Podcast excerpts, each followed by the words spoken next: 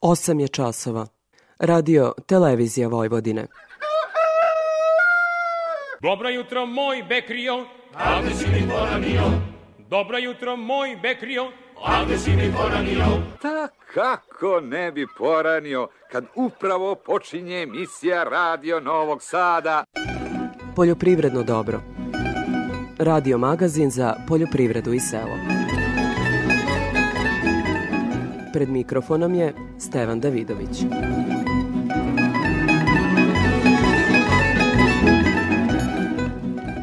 Dobro jutro. Poljoprivredna proizvodnja pre svih biljna, pred sve je većim klimatskim izazovima.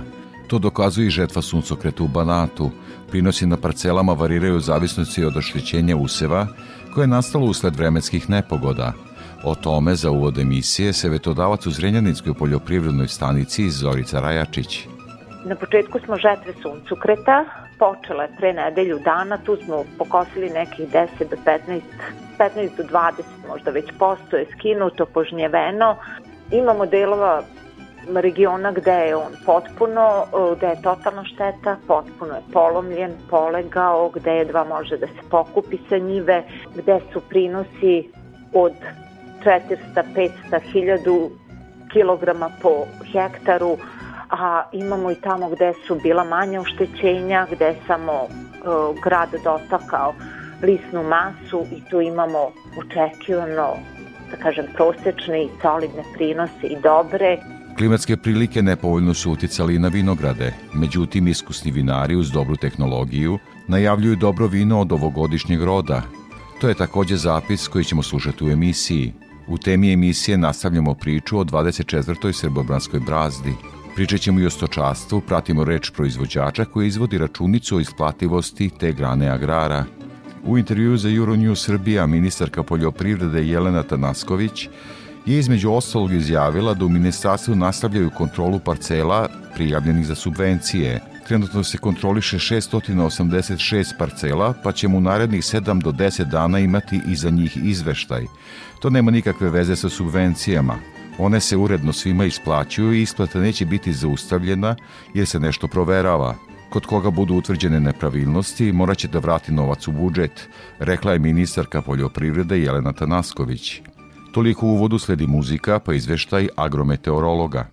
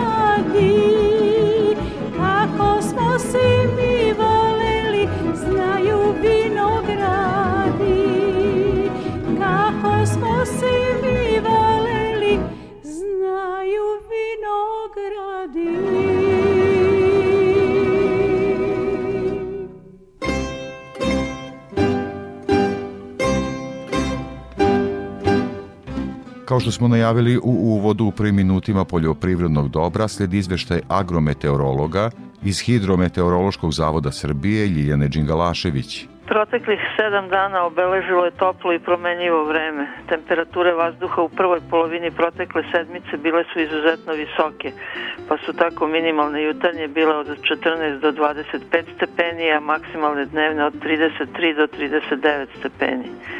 U drugoj polovini perioda došlo je do prodora hladnog vazduha, tako da su se maksimalne dnevne temperature spustile za desetak stepeni, a minimalne za 5 do 7 stepeni. Padavine koje su zabeležene u drugom delu sedmice bile su pliskovite, a ponegde i obilne, sa dospjelim količinama i do 80 mm. Ove kiše dobro su došle za pripremu zemljišta i početak setve uljane repice. Agrometeorološki uslovi su omogućavali zrenje ratarskih useva, voća, grožđa i povrća. U pojedinim područjima počela je berba ranijih hibrida kukuruza kao i žetva suncokreta. I dalje je neophodno praćenje pojava biljnih bolesti i štetočina kao i primjena adekvatnih mera nege i zaštite na poljoprivrednim kulturama. Prema prognozi posle pretežno sunčanog i toplog vremena tokom vikenda od nedelje posle podne očekuje se na oblačenje sa kišom, pljuskovima i grmljavinom uz pad temperature. Prvo u Vojvodini, a u toku noći ka ponedeljku i u ponedeljak i u ostalim krajevima. Lokalno su moguće obilne padavine. U utorak bi preovlađivalo promenljivo vreme u smenu sunčanih i oblačnih intervala ponegde sa kratkotrajnom kišom ili pljuskom, uglavnom južnije od Save i Dunava. Od srede do kraja sedmice prognozira se stabilizacija vremena uz razredravanje i porast temperature, koja bi imala vrednosti nešto iznad uobičajenih za prvu dekadu septembra. Za Radio Novi Sad iz Republičkog hidrometeorološkog zavoda Ljiljana Đinglašević.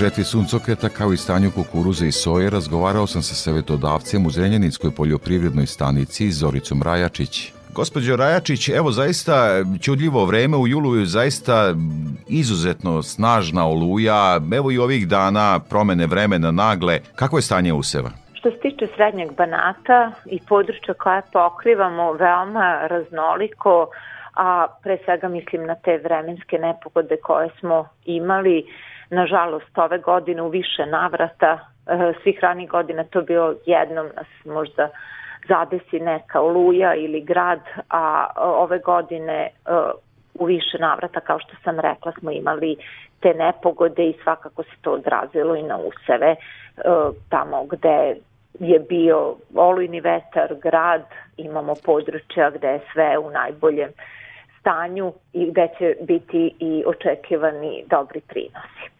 Što se tiče, evo, na početku smo žetve suncukreta, počele pre nedelju dana, tu smo pokosili nekih 10 do 15, 15 do 20 možda već posto je skinuto, požnjeveno. Imamo delova regiona gde je on potpuno, gde je totalna šteta, potpuno je polomljen, polegao, gde je dva može da se pokupi sa njive, gde su prinosi od 400, 500, 1000 kilograma po hektaru, a imamo i tamo gde su bila manja oštećenja, gde je samo uh, grad dotakao lisnu masu i tu imamo očekivano da kažem, prosečne i solidne prinose i dobre, negde 3,5 i očekuje 3,5 tone po hektaru i očekujemo da će biti takvih delova uh, regiona.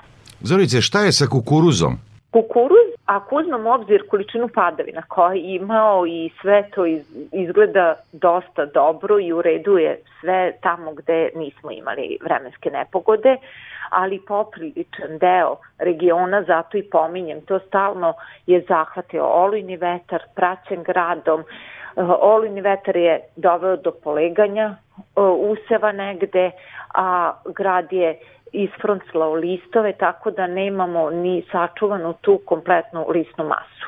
Tamo gde su uh, štete od grada bile ranije uh, i imamo manje smanjenje prinosa. A gde smo imali ponovljenu situaciju oluje praćenu gradom u kasnim fazama, u fazi mekričenja, oplodnje, kada imamo dodatne štete još i na listovima, tu imamo i veće štete od nepogoda, tako da kukuruz je zaista obećavao i sve do momenta pojave tih elementarnih nepogoda svedoci smo, nije se to dešavalo samo u regionu Srednjeg Banata, nego i mnogo šire, nažalost.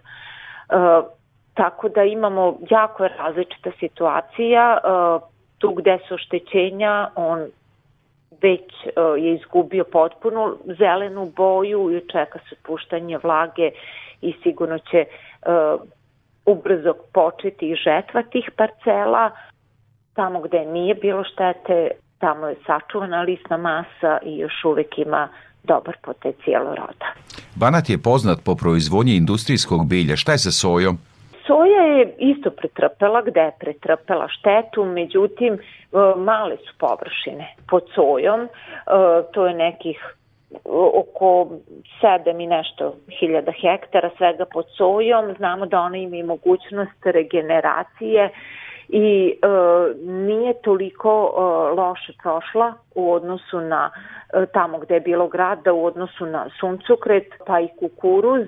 Svakako da ima daleko manje spratova i da se i tu očeka, e, očekuje smanjenje prinosa.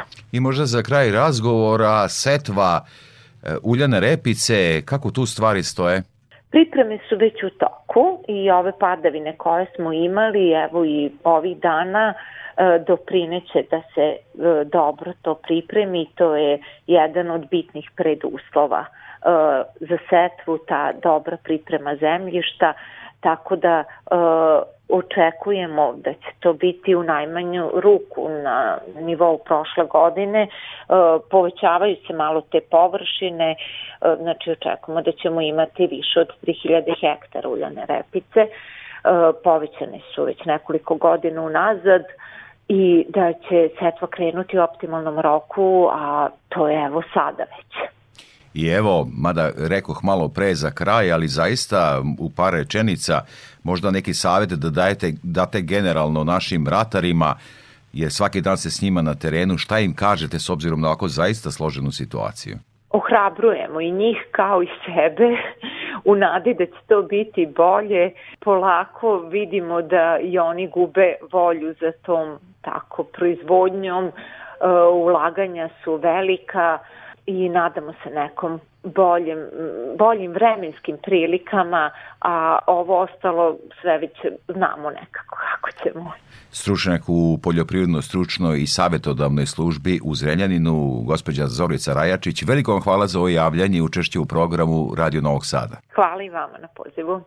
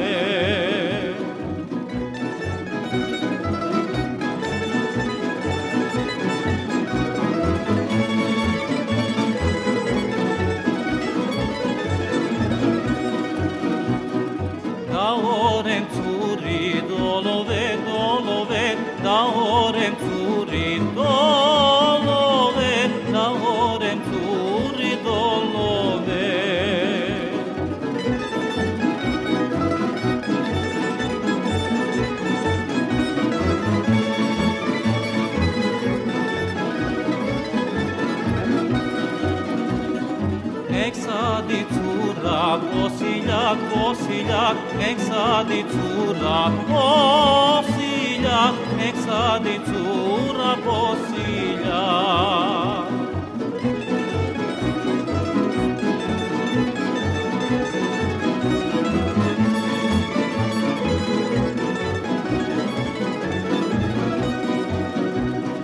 Next ni me kiti prozore prozore next ni me kiti prozore.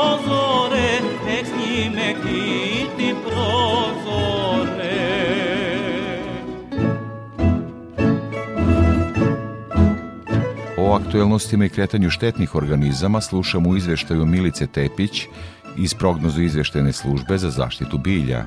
Padavine koje su zabeležene u proteklim danima stvorile su povoljne uslove za sam početak setve uljane repice.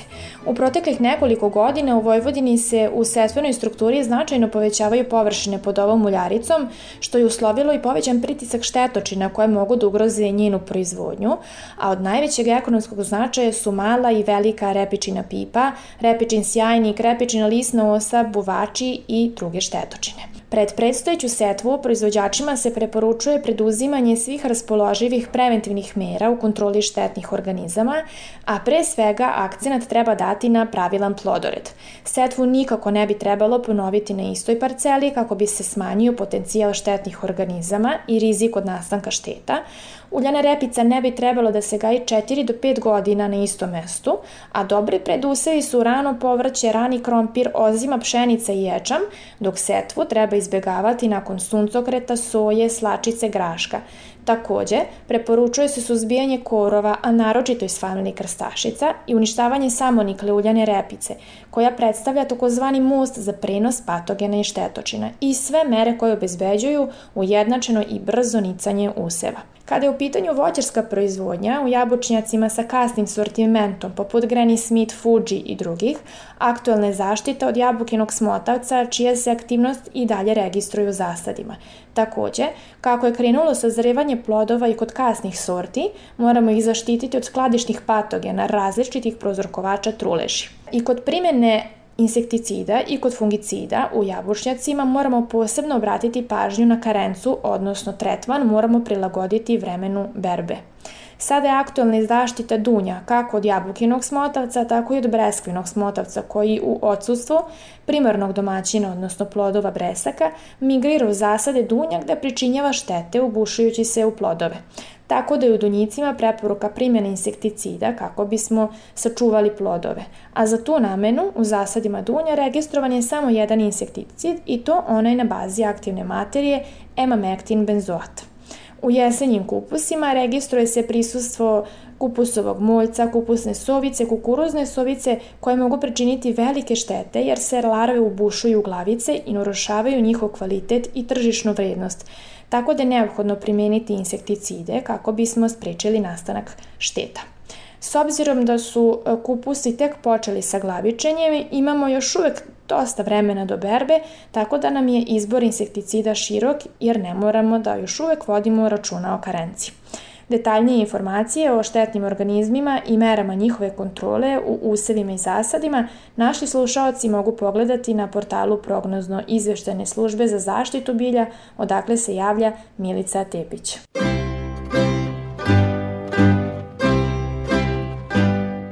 O trgovanju na Novosadskoj produktnoj berzi izveštava Andreja Matijašević. Nedelju za nama na robno-berzanskom tržištu obeležilo je zaključenje prvog berzanskog ugovora za novi rod kukuruza, kao i za suncokret rod 2023. godine. Tokom ove nedelje na produktnoj berzi zabeležen je pad obima prometa od 4,90% u odnosu na prošlu nedelju, pri čemu je prometovan ukupno 1998 tona robe. Finansijska vrednost prometovane robe iznosila je 48 miliona 111.750 dinara, što je u odnosu na prethodnu nedelju pad od 24,28%. Kao i protekle nedelje, najviše se trgovalo kukuruzom. Kao i prethodne nedelje, ponovo je na robno-berzanskom tržištu najtrgovanija kultura bio kukuruz, zauzimajući 54% udela u ukupnoj trgovini. Početkom nedelje bila je primetna slaba tražnja, da bi sredinom nedelje došlo do povećanja aktivnosti na tržištu kukuruza, kako na strani ponude, tako i na strani tražnje. Ova zainteresovanost za kukuruz nije dugo potrajala, te već krajem nedelje došlo do ponovnog pada aktivnosti. Kukuruzom se trgovalo u cenovnom rasponu od 17 do 17,30 dinara po kilogramu bez PDV-a.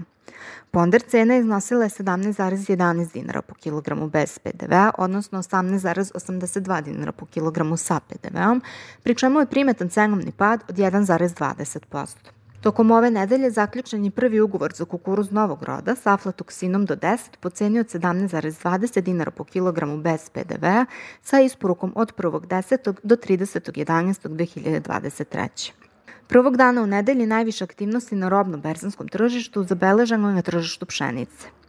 Ipak, tokom ostatka nedelje došlo je do pada aktivnosti. a odnos između ponude i tražnje bio je promenljiv. Pšenicom se trgovalo na jedinstvenom cenovnom nivou 20 dinara po kilogramu bez PDV-a, odnosno 22 dinara po kilogramu sa PDV-om, što ujedno predstavlja i ponder cenu. U odnosu na prethodnu nedelju primetan je cenovni pad od 0,92%. Trgovalo se takođe i pšenicom na paritetu CPT kupac po ceni 21 dinar po kilogramu bez PDV-a. Na tržištu soje početkom nedelje bila je primetna slabija tražnja, dok je krajem nedelje bila primetna slabija ponuda. Sojenim zrnom se trgovalo po ceni od 55,50 dinara po kilogramu bez PDV-a uz obračun kvaliteta do 56 dinara po kilogramu bez PDV-a bez obračuna kvaliteta. Ponder cena iznosila je 55,63 dinara po kilogramu bez PDV, odnosno 61,19 dinara po kilogramu sa PDV-om. Od ostalih roba zaključen je berzanski ugovor za novi rod suncokreta na paritetu CPT kupac uz plaćanje odmah po isporuci po ceni od 40,85 dinara po kilogramu bez PDV-a, odnosno 44,94 dinara po kilogramu sa PDV-om. Trgovalo se takođe mineralnim đubrivom u formulaciji MPK 16 prema 16 prema 16 po ceni od 55,25 dinara po kilogramu bez PDV-a, odnosno 60,78 dinara po kilogramu sa PDV-om. Sa produktne berze Andreja Matijašević.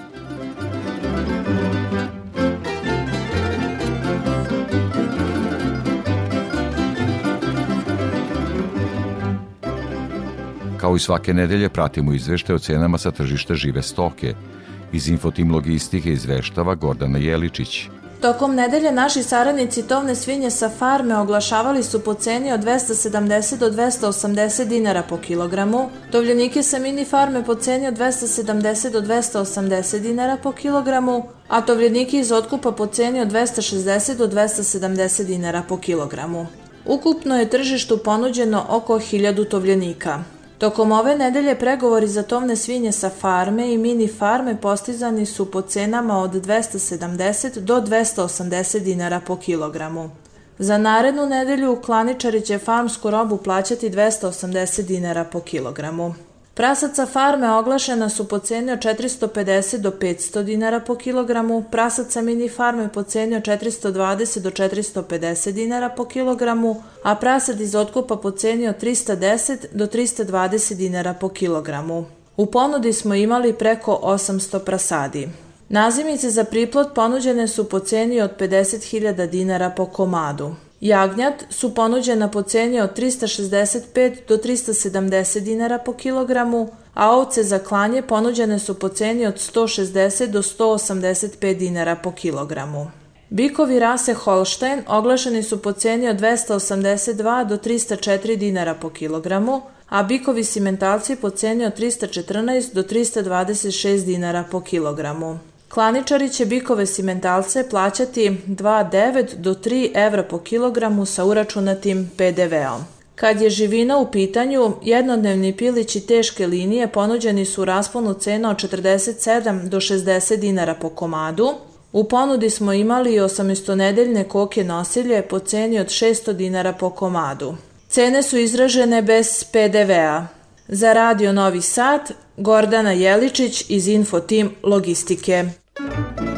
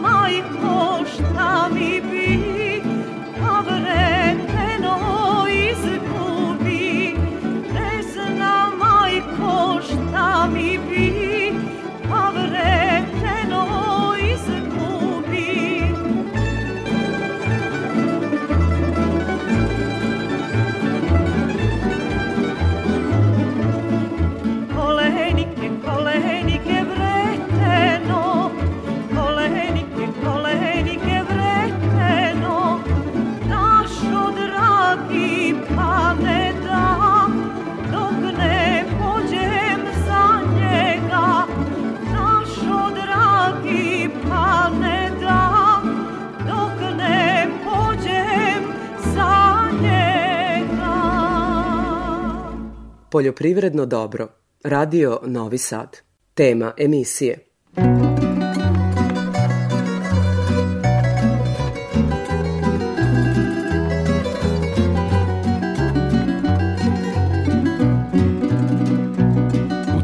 emisije govorimo o nedavno održanoj 24. Srbobranskoj brazdi. U prethodnoj emisiji Poljoprivredno dobro slušali smo nekim detaljima sa te manifestacije. Čuli smo ko su pobednici i šta je kod oranja ocenjivano. U ovoj emisiji nastavljamo da govorimo o tom događaju, ali iz drugog ugla. Kakvi su socijalni efekti tog događanja, kao i šta se čini za unapređenje života lokalne samouprave, o tome govori predsednik opštine Srbobran Radivoj Debeljački. Ono što je najvažnije u celoj priči je da se održi jedna tradicija, ovo je 24. po redu Srbranska braza, nama je cilj da prikažemo i tradicionalni način obrade zemlje, ali isto tako i modern način poljoprivredne proizvodnje koji je danas aktuelan i stoga imate danas mogućnost da vidite i kako se to nekada radilo i kako se to radi danas. Kao što sam i rekao, ovo je 24. put po redu, svake godine napredujemo iz godine u godinu sve više i učesnika. Ove godine smo pripremili jako lep program za decu i to nam je cilj da deca dođu na njivu, da vide šta je srbranski paor, šta je bački, vojvođanski, srpski paor i kako i na koji način se obrađuje zemlja i da ih na neki način privučemo da se nekada u budućnosti i oni bave poljoprivredom jer zaista Srbran sa 26.000 hektara obradive površine sa najplodnijim zemljom u Evropi, to je zapravo i najznačajnija privredna grana na teritoriji naše opštine, stoga je i prirodno da se većina stanovnika i bavi poljoprivredom i to je jedna fabrika na otvorenom u našoj lokalnoj zajednici. Programi i mere kojim lokalna administracija podržava pre svih mala gazdinstva dobro su prihvaćeni od korisnika.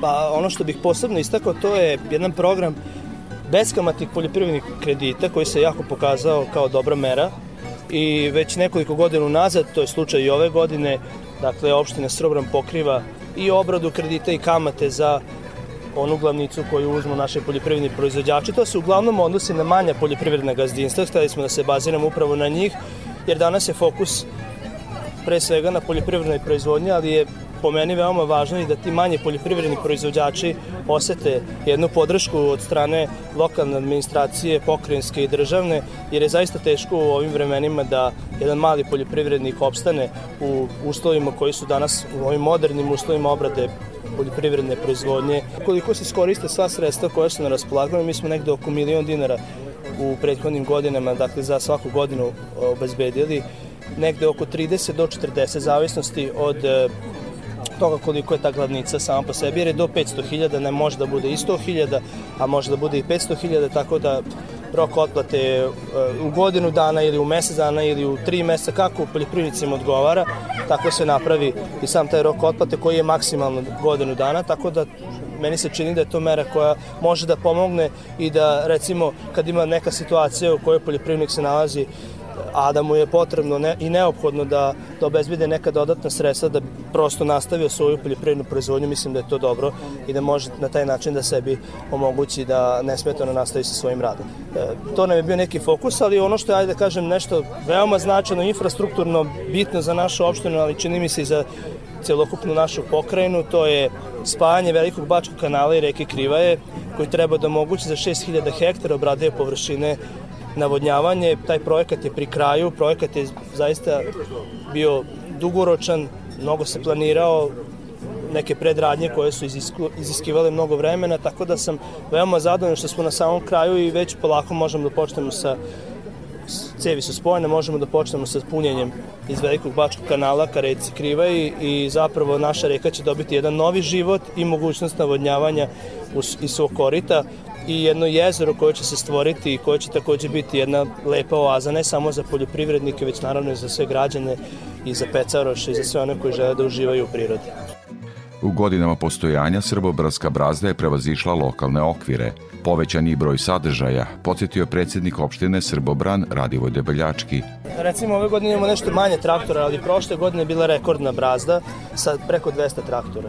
Tako da to je samo, to su samo učesnici, dakle bilo je naravno i traktora koji su služili za promociju, kombajn i tako dalje, druge priključne mašine poljoprivredne, ali neki broj takmičara je ove godine takođe veoma značajan, ali imamo ove godine i takmičenje kuvanju kotlića koje smo prosto, tako je, prosto smo želi da, da imamo više ljudi na samoj manifestaciji, da im omogućimo jedan dodatni sadržaj i to je bio cilj zapravo.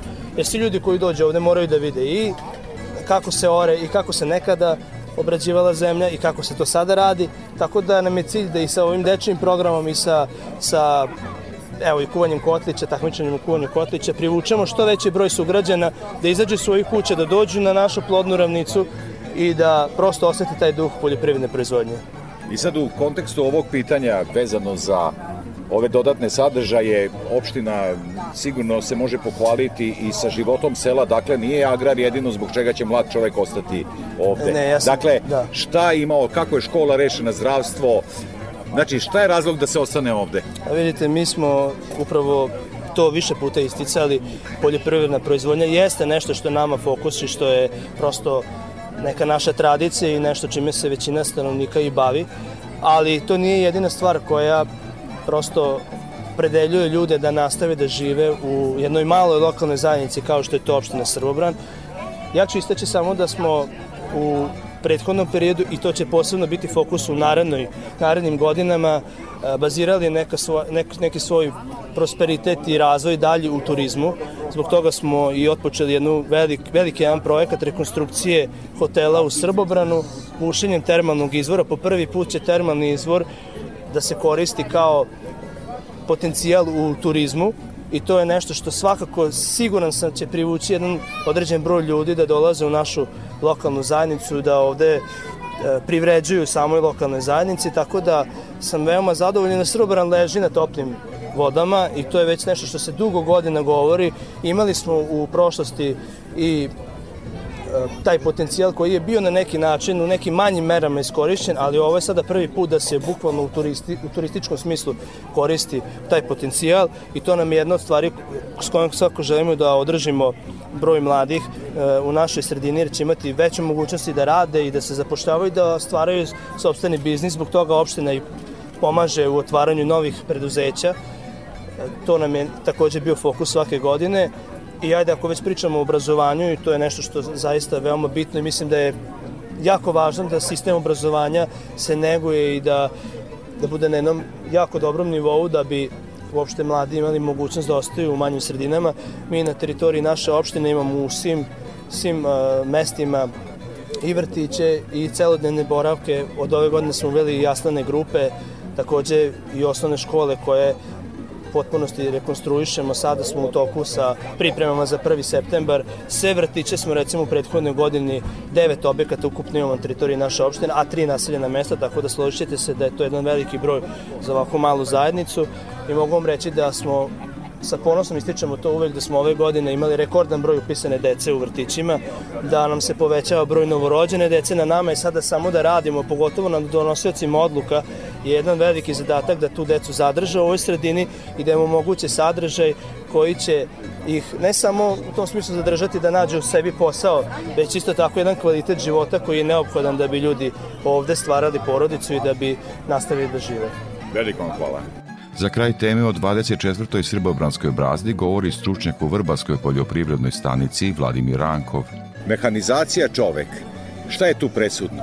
Presudno simbioza mora da postoji između prvog i druge stvari. E, imamo e, poljoprivrednog proizvođača koji ima do, izuzetno dobru mehanizaciju, znači dobar traktor, dobru pljušinu, odnosno u ovom slučaju plug, ali ne možda nisu iskoordinirali nešto da bi bili e, najkvalitetniji, najbolji. Znači, ta sinkronizacija mora da postoji. Čovjek mora da poznaje svoj agregat i mašinu koja je zakačena, kako to funkcioniše na terenu. Mi smo ovde na poljoprivrednom dobrom pionir imali, da kažem, izuzetne uslove. Jeste sušno vreme sve, ali po oranju se vidi da je bilo vlage u zemljištu, da je oranje mo moglo da bude kvalitetno, ali taj odnos e, traktor, čovek morao je možda kod nekih da funkcioniše malo bolje. Ali ja sam ovaj, izuzetno zadovoljan sa ovim što, se, što je danas prikazano od samih poljoprivrednih proizvođača, nešto manji broj učesnika u odnosu na prošlu godinu, vremenski uslovi možda i uslovi su takvi da neki su ljudi možda sprečeni, avgust još nije završ, e, završen godišnji odmor i tako dalje, ali kompletno sa, generalno sa manifestacijom sam zadovoljan sa izlagačima koji su Evo naši stalni pratioci na ovoj 20, ovih 24 godine koliko traje ova brazda, tako da generalno ocena 10 za organizatore, za takmičare i za moje kolege koji su bili u komisiji. I za kraj, zaista u najkraćem, samo za 24 godine, koliko se šta promenilo, zemljište, mašine, ljudi, Ovako u nekoj par rečenica. Pa evo, ja mogu da kažem za ove 24 godine, ovo je meni 24. Srbobranska brazda, prvo kao komisija, kao član, posle organizator brazde, sad predsednik komisije, Uh, pa mogu da se kažem da uh, način obrade oranja se promenio u odnosu na uh, godinu nazad. Uh, traktorske agregati, jače snage, udobniji, konforniji, kvalitetni oranje, kvalitetniji plugul i tako dalje. Idemo napred, idemo na neki jubilej 25. sledeće godine, mislim da će biti još bolje, još kvalitetnije, ali dotle ima vremena. Vladimir Rankov, poljoprivredna stanica u Vrbasu, veliko hvala za ovaj razgovor. Hvala vama.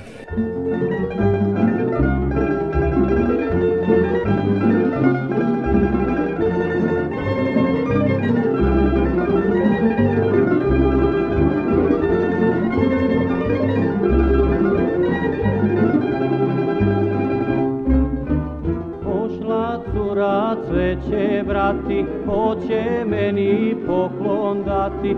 Ej, haj, curo bre, cveće najlepše. Ej, haj, curo bre, cveće najlepše.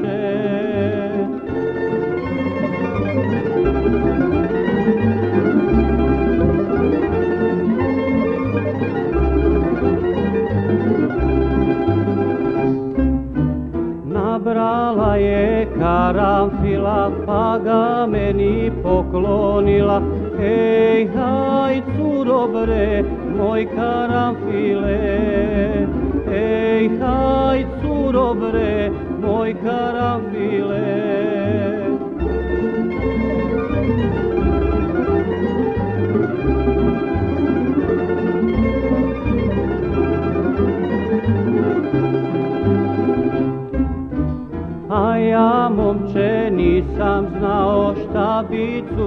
darival, ej, chajcu dobre, zavoli k tebe.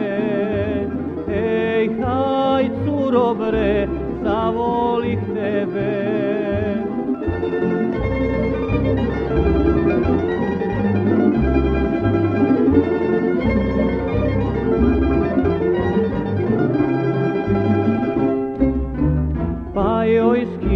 Bez pomuke, zlata prste s moje ruke. Ej, haj, curo bre, verno čekaj me. Ej, haj, curo bre, verno čekaj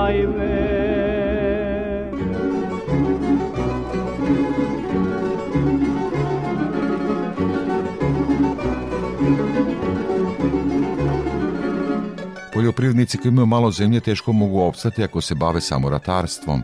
Pravo rešenje je zatvoriti proizvodni ciklus, što podrazumeva i stočarstvo. Međutim, i u stočarstvu ima problema. O tome sam razgovarao sa farmerom u Turiji, Pericom Crnojačkim. Turija, je li ima još stočarstva tamo? Pa ima još nešto malo, još nešto malo ima. E sad koliko će to ostati, koliko neće, to ćemo vidjeti još. Šta se uglavnom radi? Pa poljoprivreda, stočarstvo, znači držimo malo bikova, malo vaca, svinja i tako. Svoju hranu za životinje proizvodite? Jeste na našim njivama i kukuruz, soju, celažu i tako. Pre nego što malo popričamo o samom stočarstvu, jer se stočarstvo tako jedino isplate ako imate svoju hranu. A jedino to, ovako drugčije ne može. To malo što imamo naše zemlje, mi posejemo to što treba za njih i to je to. Znači, kad bi kupovali, ne bi, nema kraja, nema. Skup koncentrat, skupa hrana. Ako ima malo zemlje neko, jel možda živi samo od ratarstva ili mora stočarstvo ipak? Mm, Od ratarstva teško s malo zemlje, stočarstvo opet, kad je jeftinije usev kukuruza soje, onda malo ovaj, to kroz stoku dobijemo navodno više, a koliko je to više. Kad oni ovaj, jednostavno cene okrene, kako okrenu cenu. Sad trenutno na berzama baš ne kotira nešto ratarstvo. Šta je sa stočarstvom? A stočarstvo sad nešto još malo bikovi drže neku cenu, Koliko pošto to? i nema. Pa tu su 3 evra, preko 3 evra kila gotovih bikova, mada su skupi i teladi i to je sada malo, moramo nešto da radimo kad smo na selu, ali verujte da nema od tog gleba. Sem vas u Turije, malo još njih ima da bikove. To... Pa ima nas par u selu što radimo to i to je sve. Pre to svaka druga kuća bila, po jednu, dve, pet krava kako ko, ali sad je to sve manje i manje. Jel ima mlečnog govedarstva? Ima, ima njih dvoje u selu, mi još nemamo to, treba da krenemo. E sad, kad ćemo, šta ćemo, to ćemo vidjeti. Šta je trenutno s mlekom? Ne radite to, ali čisto malo i tu priču, priču da otvorim. Pa, bilo je i jako toksina, i bilo je svega što se tiče mleka. Pa uzimaju, pa ne uzimaju. To znači je, nije baš? Nije, nije. Najteže je poljoprivredniku i to je to. A što se bikova tiče, ove koje smo spominjali sad, kako je tu sa prodajama? Su traženi? Bikovi su traženi, sam nemam ko da ih hrani. Ne, neće niko da drži. Pa što? Šta je razlog? Dajte malo matematiku. Koliko? Pa nema matematike tu. Skupo tele, 800 evra tele. Bik je 1500 evra, znači 5, 3 evra, 500 kila, kad je bik, to je 1500. Znači, kada damo za 800 za tele, ostane nam 800. Silaža, koncentrat, znači, dnevnice naše, što mi radimo. Nema, A to niko ne računa niko, što vi radite? Niko ne računa. Da to računate, da nekog platite, sigurno... Nema ništa od toga. Jedino kad sami radimo je to nešto može reći da ostane. Pre je bilo oko 100 evra po biku, a sad nema ni toliko. Što se ovčarstva tiče? Ovčarstvo to malo nešto imamo, mali, drži 14 godina, neki 10-15 komada je počeo, 14 godina je, kažem, ali ako ostane ovako, nema to gleba. Ovčarstvo? Ovčarstvo, da. Koja rasa? Imamo Winterberg. Imamo Winterberg i dobri su ovce, kao ovce dobre samo, što košta sve kompletno, znači hrana, Znači, opet kažem, treba to sve navuci, gorivo skočilo, skupo, ne može tu sad biti pametno. Šta raditi? Najbolje u firmu i mesečnu platu i doviđenja. Znači na selu? Radimo dan, noć, dan, noć, baliramo, vučemo noću, kad drugi spavaju mi radimo, ali nije placeno. E, to je problem najveći. Za vas nema godišnjeg odmora koji nema, su sad aktualni? ne idemo na more, ne idemo na godišnji, ne idemo nigdje, samo u Ataru. Evo sad ste pominjali i, i naslednika. Šta on kaže? Jel vidi on u agraru? Vidim ovde pri oranju da je zaista oduševljen ovim poslom. Jeste. I vidi se po njemu da on to radi kako treba i da voli i da... Ali dok mu ne zacrni, dok ne osjeti šta je dinar kad ode negdje da radi da ode negdje preko. Jel. Umreći, to sve naši ti traktori, sve će to umreći jednog dana. Evo ovaj traktor šta što radi, što vaš sin ga vozi, to vidim da je dosta vremešan traktor. Jeste, on je 79. godište, ali je održan i sačuvan je. I održavamo mi to koliko možemo, jednostavno, koliko nam dozvoljava. Nešto u pripremi za razgovor ste rekli da ste od zaista malih nogu na njivama. Od 9 godina svojih. Onda sam počeo 9 godina da radim. E, tako i jedan sin, tako i drugi, čerka, svi kompletno radimo, žena, svi, ali ne vidimo mi nas tu negdje. Šta bi vam kao pomoć trebalo, eto, država da vam pomogne? Gde vidite to? Pa nama šta treba pomoć, kako je nas... Podrška, tako da kažem. Podrška neka, to je mali, to već kad se bavi s tim junadima, to junadi, neke hangar, ne, nešto da imamo gdje da zatvorimo. I Investiciju to, da imate. Investicija neka, ne treba nama pare.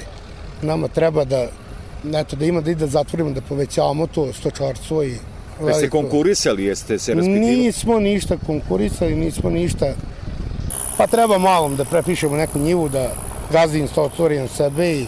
Da onda uzme stvari pa svoje ruke i tu da... Griota je od Boga. Deca sa sela koje su naučene da odu negdje da rade. Koji su im najveći troškovi, osim goriva? To osim goriva, kažem, trebalo bi nam to i silaže kad se vuče i nemamo svoj komba i treba da platiš. Traktori, to ne može jedan, dva traktora, to ide 4-5 komada, 6 da bi to moglo da se dovuče, da se ugazi, da da se uradi sve. Pa sad kad pogledate koliko je gorivo, pa danas da se naspe 7-8 rezervara, samo i ništa više. Veliko vam hvala za ovaj razgovor. Nema, znači, hvala i vama.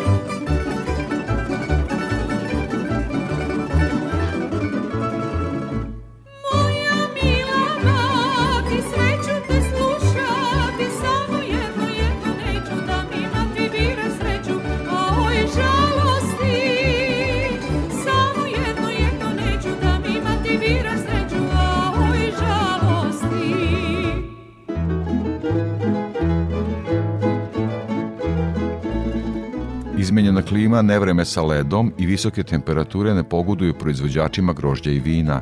Veliki problem je i nedostatak radne snage. O tome sam razgovarao sa vinogradarem i vinarom iz Iriga, Savom Jojićem. Savo, evo vreme je kada se govori o grožđu koje je namenjeno za vino. Šta se očekuje? Ovo jako sunce, dakle ove visoke temperature, promene klime, one oluje. Šta se događa u vinogradima? Generalno, ove ne, nepogode vremenske koje su zahvatile Frušku goru ostavili su prilično lošeg traga na vinogradima na Fruškoj gori. Neki su vinogradi potpuno uništeni, ima na sreću i vinograda koji su nekako ostali pošteđeni, ali tu recimo vinarija u Karlovcima, Bajlo ili vinarija Mačko Podrum imaju delove vinograda koji su potpuno uništeni i sravnjeni sa zemljom i stubovi i grožđe i vinova loza. Ovo vreme ne pogoduje sada grožđu jer preko 35 stepeni nema uopšte fotosinteza i niti se povećavaju šećeri, samo se isparava voda preko lista. Mi ne očekujemo da će berba početi pre 5. septembra, a možda ni tada. Ali ono što smo merili šećere ovih dana nema još naznake da će se berba uopšte početi pre 5. septembra. U stvari, to je neko i običajno vreme, ne treba se baš previše žuriti. Možda su neke sorte kao što je plemenka, šasla, portogizer, nekad su se brale i pre velike gospojine, ali najčešće posle velike gospojine, a to su prvi dani septembra, šardone verujemo da neće biti pre 10. pa možda i 15. septembra. Kakvo se vino može očekivati od grožđa? Evo sad ste pomenuli da baš i ne prija grožđu ovako visoke temperature i ovako izmenjena, da kažem, klima koja je davala prepoznatljivu aromu našem vinu sa Fruške gore. Grožđa koja su sačuvana će biti odlična za vino. Znači tu uopšte ne treba da bude bilo kakvog straha ili bojazni. E, to ne zavisi pojedinačno od vinogradara, to je sada bila viša sila svi vinogradari na Fruškoj gori se maksimalno trude i ulažu u očuvanju zdravstvenog stanja vinograda. Ovo nije hobi proizvodnja, ovo nije vikend proizvodnja. Mi smo svi profesionalci i svi vinogradari, bilo da je to tamo šit, bilo ovamo slankamen, svi maksimalno se trude da imamo dobro i zdravo grožđe. Oni koji su u tome uspeli, a uspeli su po meni svi oni koji nisu imali te mehaničke štete od nevremena će imati odlično, odlično vino. Ono što je za nas značajno, nije bilo mnogo kiše, posebno nema sadna kiše koja može da podstakne razvoj patogena za pojavu sive truleži, nema sive truleži, vinogradi su zaštićeni od plamenjače, ranije sad od pepelnice, tako da ja ono što sam imao kontakte, a imam dosta kontakata sa kolegama jer sam član udruženja Srem Fruška Gora, to je najveće udruženje vinogradara i vinara u Srbiji. Ono što mi imamo saznanja, naši su vinogradi u dobrom stanju uz samo naznaku ako nije bilo mehaničkih šteta od pokrajina je dosta ulagala u opremu da se u svakom momentu može proceniti kvalitet grožđa, vina i tako dalje. Koliko se koristi ta oprema na poljoprivrednom fakultetu? Pokrajina zaista je mnogim, na mnogim pozicijama davala mehaničke uređaje kao senzore koji pomažu nama davajući nam podatke da li da idemo u neku zaštitu ili ne. Nemamo mi tu još dovoljno razvijenu naviku za to korišćenje, a nemamo razvijenu ni regulativu. Što se tiče merenja koje imamo na poljoprivrednom fakultetu, to su merenja stanja vina. Znači, kad napravimo vino ili u fazi fermentacije ili od šire fermentacije i posle fermentacije, mi možemo da odemo na fakultet i da izmerimo parametre, neki 13 parametara se meri. To je po relativno povoljnoj ceni. Ono što kada sam napomenuo regulativu, dozvolite mi samo neki minut da kažem da u nekim zemljama, ne bih sad navodio kojima, postoji propis kada ta kontrolna prognozna služba šalje informacije na mobilni telefon vlasnicima vinograda sa nalogom da moraju izvršiti zaštitu. Znači tu nema sad procene hoću neću. Znači to je jedna garancija. Država počinje da brine o tome. Naravno, brinemo i mi, ali država brine se iz jednog drugog razloga, a to je da ne dođemo u situaciju da imamo masovno loše grožđe, da se vrše zaštite na vreme.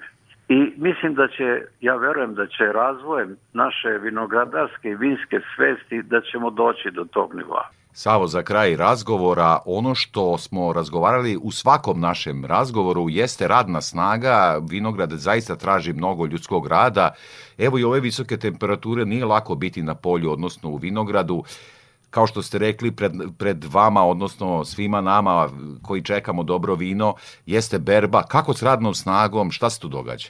Mi ne znamo ko će nam brati groše. Ne znamo ni kako ćemo brati groše. Ne kažem tu i tamo neke površine kad neki vinogradar ima hektar, dva, tri, ali robni proizvođači od 5 hektara, 10, 15, 20, to je jako složeno. Mi smo pokušali da angažujemo strance oni nisu obučeni za taj posao. Ono što imaju naši ljudi, to se teško može naći. To je dovelo do toga da je cena rada veoma visoka. Mi smo sada došli smo zvali neke radnike koji nam traže 50 evra na dan. Sa cenom od 50 evra mi ne možemo da napravimo, odnosno mi možemo da napravimo vino, ali ne možemo da ga prodajemo sa cenom ispod 10 evra. Mi vino sa 10 evra nemamo kome da prodajemo. I mi smo se sada našli u jednom začaranom krugu. Svi ljudi kažu kako je cena rada u Nemačkoj 8 evra na sat. To je u redu, ali mi nemamo mogućnosti, nemamo takvu stvorenu akumulaciju. Naša privreda nema stvorenu akumulaciju kapitala da može plaćati 8 evra na sat, niti imamo potrošača koji mogu platiti bocu 10-15 evra obično komercijalnu svakodnevnog vina. O vrhunskim neću ni da pričam. Ne znam kako ćemo se izvući, možda da me, da me pitate posle berga. Vinogradar i vinar iz Iriga, gospodin Sava Jojić, e, vinarija Mačkov podrum. Veliko vam hvala za ovaj razgovor i javljanje u program Radio Novog Sada. Hvala i vama i vašim slušalcima. Pred kraj emisije još jednom prognoza za narednu sedmicu. Iz Hidrometeorološkog zavoda Srbije Ljiljana Đingelašević. Prema prognozi posle pretežno sunčanog i toplog vremena tokom vikenda od nedelje posle podne očekuje se na oblačenje sa kišom, pljuskovima i grmljavinom uz pad temperature. Prvo u Vojvodini, a u toku noći ka ponedeljku i u ponedeljak i u ostalim krajevima. Lokalno su moguće obilne padavine. U utorak bi preovlađivalo promenljivo vreme u smenu sunčanih i oblačnih intervala ponegde sa kratkotrajnom kišom ili pljuskom, uglavnom južnije od Save i Dunava. Od srede do kraja sedmice prognozira se stabilizacija vremena uz razredravanje i porast temperature, koja bi imala vrednosti nešto iznad uobičajenih za prvu dekadu septembra. To bi bilo sve što smo pripremili za ovo izdanje poljoprivrednog dobra Radio Novog Sada.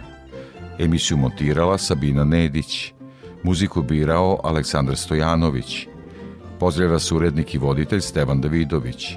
Naredni susret je za sedam dana uz podsjećanje, da emisiju možete slušati i odloženo na portalu Radio Televizije Vojvodine na adresi rtv.rs. Svako dobro!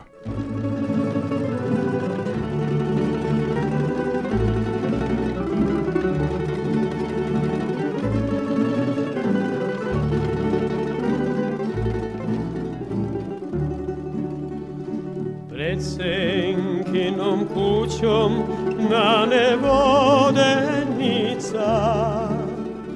Pred senkinom kućom na nevodenica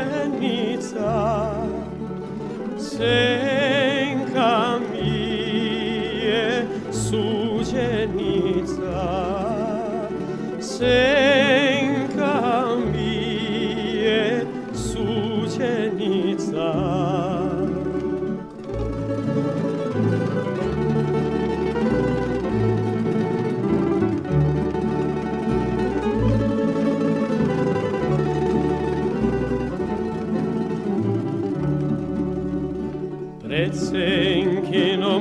srećom na ne voda teče.